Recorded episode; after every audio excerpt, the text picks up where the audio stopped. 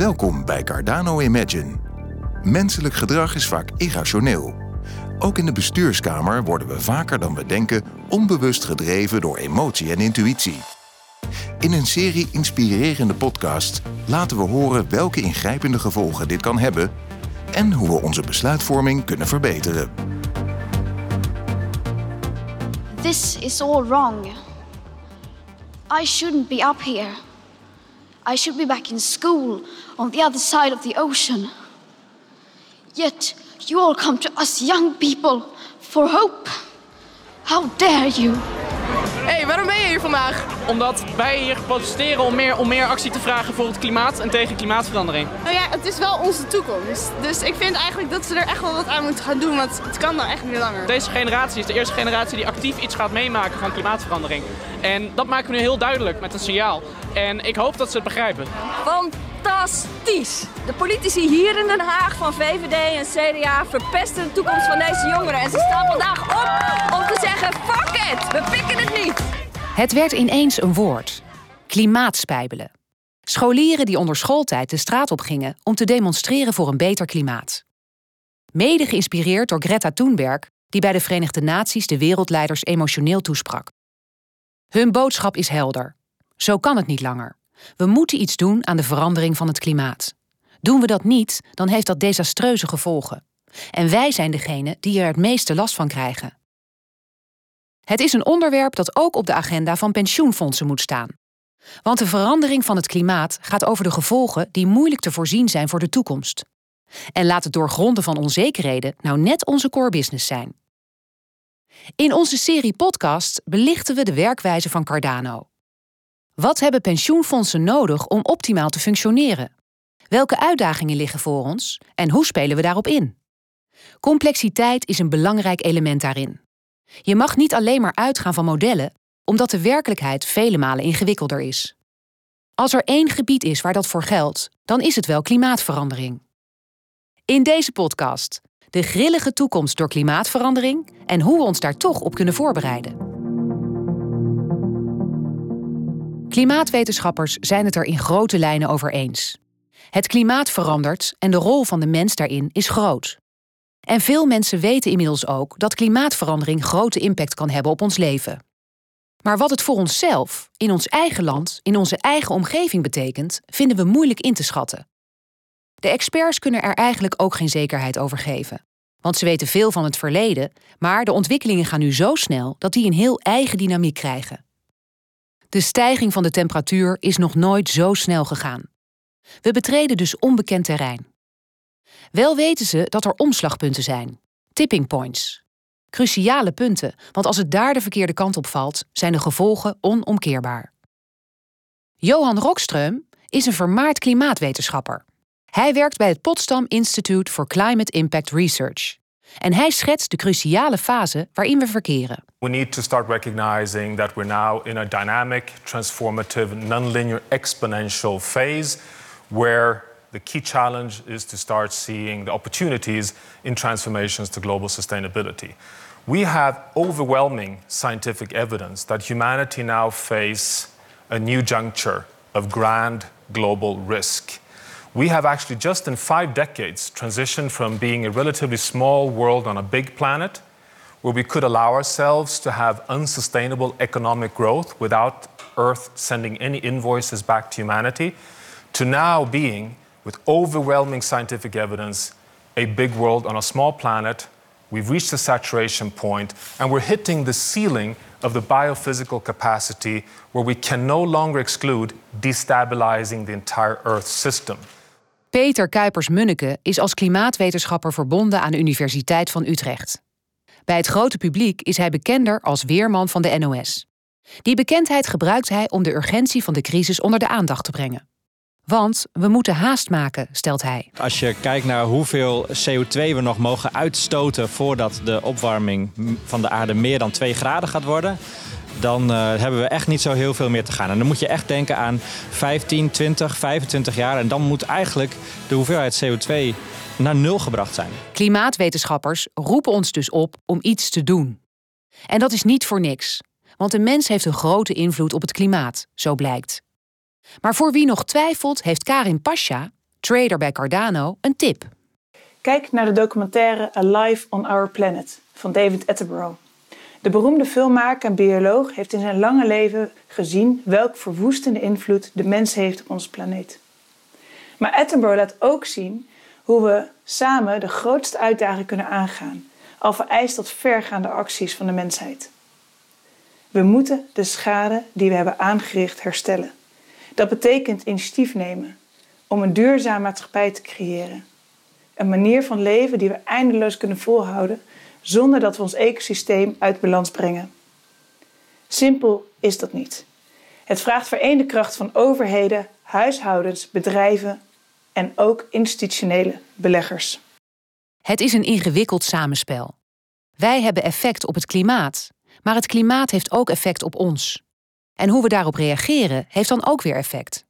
Volgens Stefan Lundberg van Cardano is dat geen onbekend fenomeen. Je ziet het ook in de economie. In the financial markets, investors make decisions based on market movements.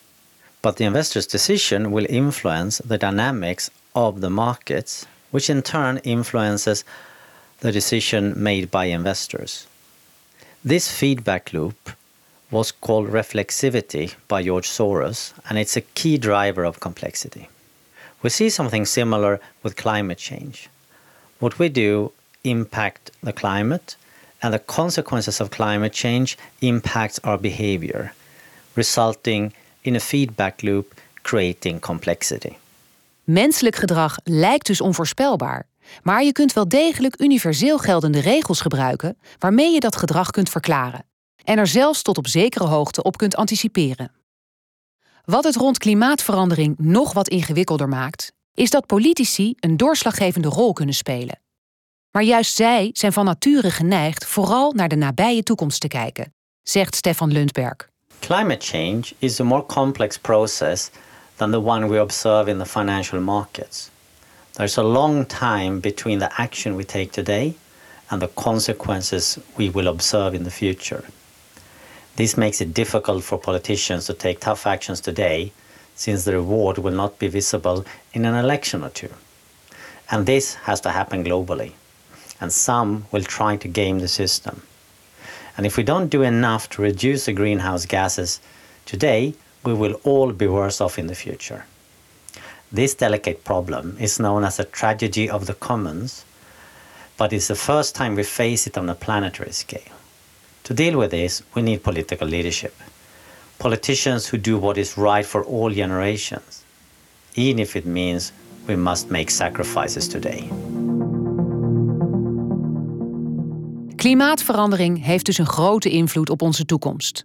Maar wat er gaat gebeuren, staat niet onomstotelijk vast. En ook niet hoe wij mensen ermee omgaan.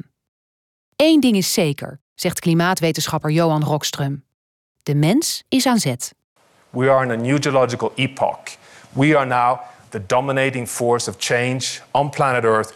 We exceed the forces of the sun or of volcanic eruptions. We are in the driving seat. In fact, the big question then is well, if we're punching the Earth so hard, what's the response? Well, as long as the Earth system is resilient, the response is linear, and so it was up until 1990. But today, what you see on this map is the scientific evidence of the tipping points that we can induce in the Anthropocene in the saturation state.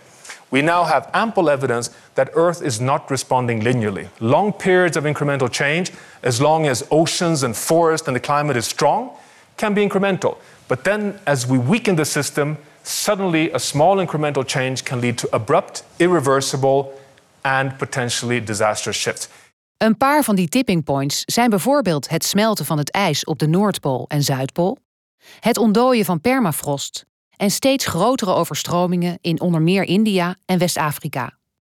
En hoe het allemaal in elkaar grijpt blijkt bijvoorbeeld uit het smelten van het poolijs. Dat levert niet alleen maar een stijgende zeespiegel op, zegt Rockström. we understand that it is the upwelling of an unprecedentedly warm ocean that takes up 96% of the heat caused by our emission of greenhouse gases. Talk of a resilient Earth system. We emit greenhouse gases for 150 years, and 95% of our debt is absorbed and hid under the carpet in the oceans, and it's now upwelling in the Arctic. We also know that the Arctic vortex that keeps the high pressure cold air and the jet stream stable was opening up in a very wiggling way, releasing heat to southern latitudes and letting heat into the Arctic. Combine that with atmospheric warming, which, as you may recall, a two degree warming in the world means five degree warming in the Arctic. These things together led to this surprise exponential early warning for humanity. These are the kind of destabilizations we're seeing across the world. En bij al dat soort ontwikkelingen is sprake van exponentiële groei. Een fenomeen waar het menselijk brein moeite mee heeft. Het bekende vraagstukje. Je laat stadion de Kuip volregenen, waarbij iedere minuut het aantal druppels verdubbelt. Na 43 minuten is het pas voor 7% vol. Hoe lang duurt het dan nog voor het helemaal vol is? Het antwoord is 4 minuten later. Exponentiële groei is dus gevaarlijk en daarom zijn we beland op een belangrijk moment in de geschiedenis. Wij bepalen het lot van de mensheid, betoogt Rockström. Over the last 50 years, we've actually exponentially moved in the wrong direction, exceeding where we've been for the past 10,000 years. But equally, we now know with very high degree of evidence that what we do over the next 50 years will determine our outcome for the next 10,000 years. So we are the generation right at that tipping point. We were alive in the exponential journey that took us here. We will probably be alive in the journey that will decide the outcome for the next 10,000 years. Maar we zijn niet kansloos, zegt hij. We hebben het al eens eerder gedaan. Toen de ozonlaag steeds dunner werd, gevaarlijk dunner, zijn er wereldwijd maatregelen genomen. Met succes. De ozonlaag heeft zich hersteld. We kunnen het dus. Are we actually at a point where we can succeed? Well, potentially yes. This is a very exciting first evidence of the fact that we seem to be starting to bend the curve of emissions already today. The last three years, we're starting to see a leveling off of global emissions because the 40 nations reducing emissions outpass the majority of nations that are increasing emissions. We may be pushing ourselves in the right direction. Goed nieuws dus. We kunnen er nog iets aan doen. Mits iedereen doordrongen is van de noodzaak. Maar daarvoor moeten we onze manier van leven veranderen. En daar houden wij mensen niet van. Vandaar dat klimaatwetenschappers als Rockström zo hard aan de bel trekken. Econoom Luca Tascini is verbonden aan de London School of Economics en is gespecialiseerd in klimaat en milieu. Hij ziet dat financiële organisaties er meer en meer het belang van inzien om rekening te houden met de consequenties van klimaatverandering. Central banks and financial regulators increasingly acknowledge the financial stability implication of climate change. For example, the network of central banks and supervisors for greening the financial system, also known as NGFS, is promoting the integration of climate related risks into supervision, into supervision and financial stability monitoring. De risico's van klimaatverandering dus meenemen in je beslissingstraject. Rekening houden met het onvoorspelbare. En daarvoor zijn ook al handreikingen gemaakt. Together with Lincoln Pension, we've been developing a general framework to ensure proper identification and analysis of the transmission channels that translate climate risk into financial risk. For example, we've been looking at macroeconomic channels, supply chain channel, operational channel. This is a novel framework that can be applied to the needs of all financial institutions for investment in different sectors and geography. Financial institutions can use this framework not only for carrying out climate risk assessment, but also as a guidance on the different stages of risk decision making. Een goede analyse maken van de bedreigingen dus. Van droogte, overstromingen en stormen die vaker voorkomen en heviger zijn dan ooit tevoren. Maar een bedreiging zijn ook de maatregelen om de klimaatverandering tegen te houden, want meestal zijn dat beperkingen. Tegelijkertijd biedt het ook kansen, want het noopt tot innovaties. Innovaties waar bedrijven een rol in kunnen spelen, waar ze van kunnen profiteren. Bedrijven die geld kunnen verdienen aan de klimaatverandering. Economisch gezien zullen er dus winnaars en verliezers zijn. De maatregelen en de innovaties zullen ook het gedrag van mensen veranderen, zegt Stefan Lundberg. To a large extent, we can predict how people will react in a specific situation. With climate change, some are in denial and will resist change. But for those of us who want to make a difference, we often find it difficult to dramatically change our behavior in the short term. This is called the status quo bias. But the good news is that over time, most of us adapt much easier and quicker than we think is possible. Take, for example, the smartphone. It was introduced in 2007 and it has dramatically changed our behavior, both socially and as consumers. Eén ding is zeker: de onzekerheid neemt alleen maar toe. En tegelijkertijd is er het besef dat we moeten handelen. Hoe moeten pensioenfondsen daarmee omgaan? Karin Pasha, trader bij Cardano. Voor pensioenfondsen is de enige relevante vraag hoe wij als langetermijnbeleggingsbeleid aanpassen om samen met alle andere belanghebbenden op onze planeet die duurzame maatschappij te creëren. En dat betekent ook dat we veel breder moeten kijken naar wat er kan gebeuren. We zijn inmiddels gewend aan een structureel dalende en daarna laag blijvende rente en inflatie, aan een gedegen economische groei en een zeer positieve ontwikkeling van de aandelenkoersen, ook door het almaar verdere verruimende beleid van centrale banken. Maar wie verder terugkijkt, ziet dat het ook anders kan lopen. Geopolitieke spanningen, oorlogen en diepe financiële crisis die wereldwijd voelbaar zijn, gierende inflatie en torenhoge rentes. Een interessant perspectief uit de documentaire van David Attenborough is hoe we geleidelijk over vele decennia een sluimerende crisis hebben gecreëerd wat betreft ons klimaat en ecosysteem. Een heel ander soort crisis dan we kennen en een schril contrast met de economische crisis die we doorgaans als plotseling en abrupt ervaren. Ik heb zelf nu in mijn werkende leven maar liefst vier crisissen meegemaakt. De nasleep van de dotcom-bubbel, de kredietcrisis, de eurocrisis en nu de covid-crisis. En uit alle vier kan je lering trekken. Iedere crisis had andere wortels en was geheel onvoorzien. Het vervelende is, we waren iedere keer best goed voorbereid op de vorige, maar zeker niet op de volgende crisis. Vanuit beleggingsperspectief is de geleerde les dat diversificatie werkt in tijden waarin we rust en groei ervaren. Maar in tijden van angst en financiële zorg werkt diversificatie niet, terwijl je dan juist het hardst nodig hebt.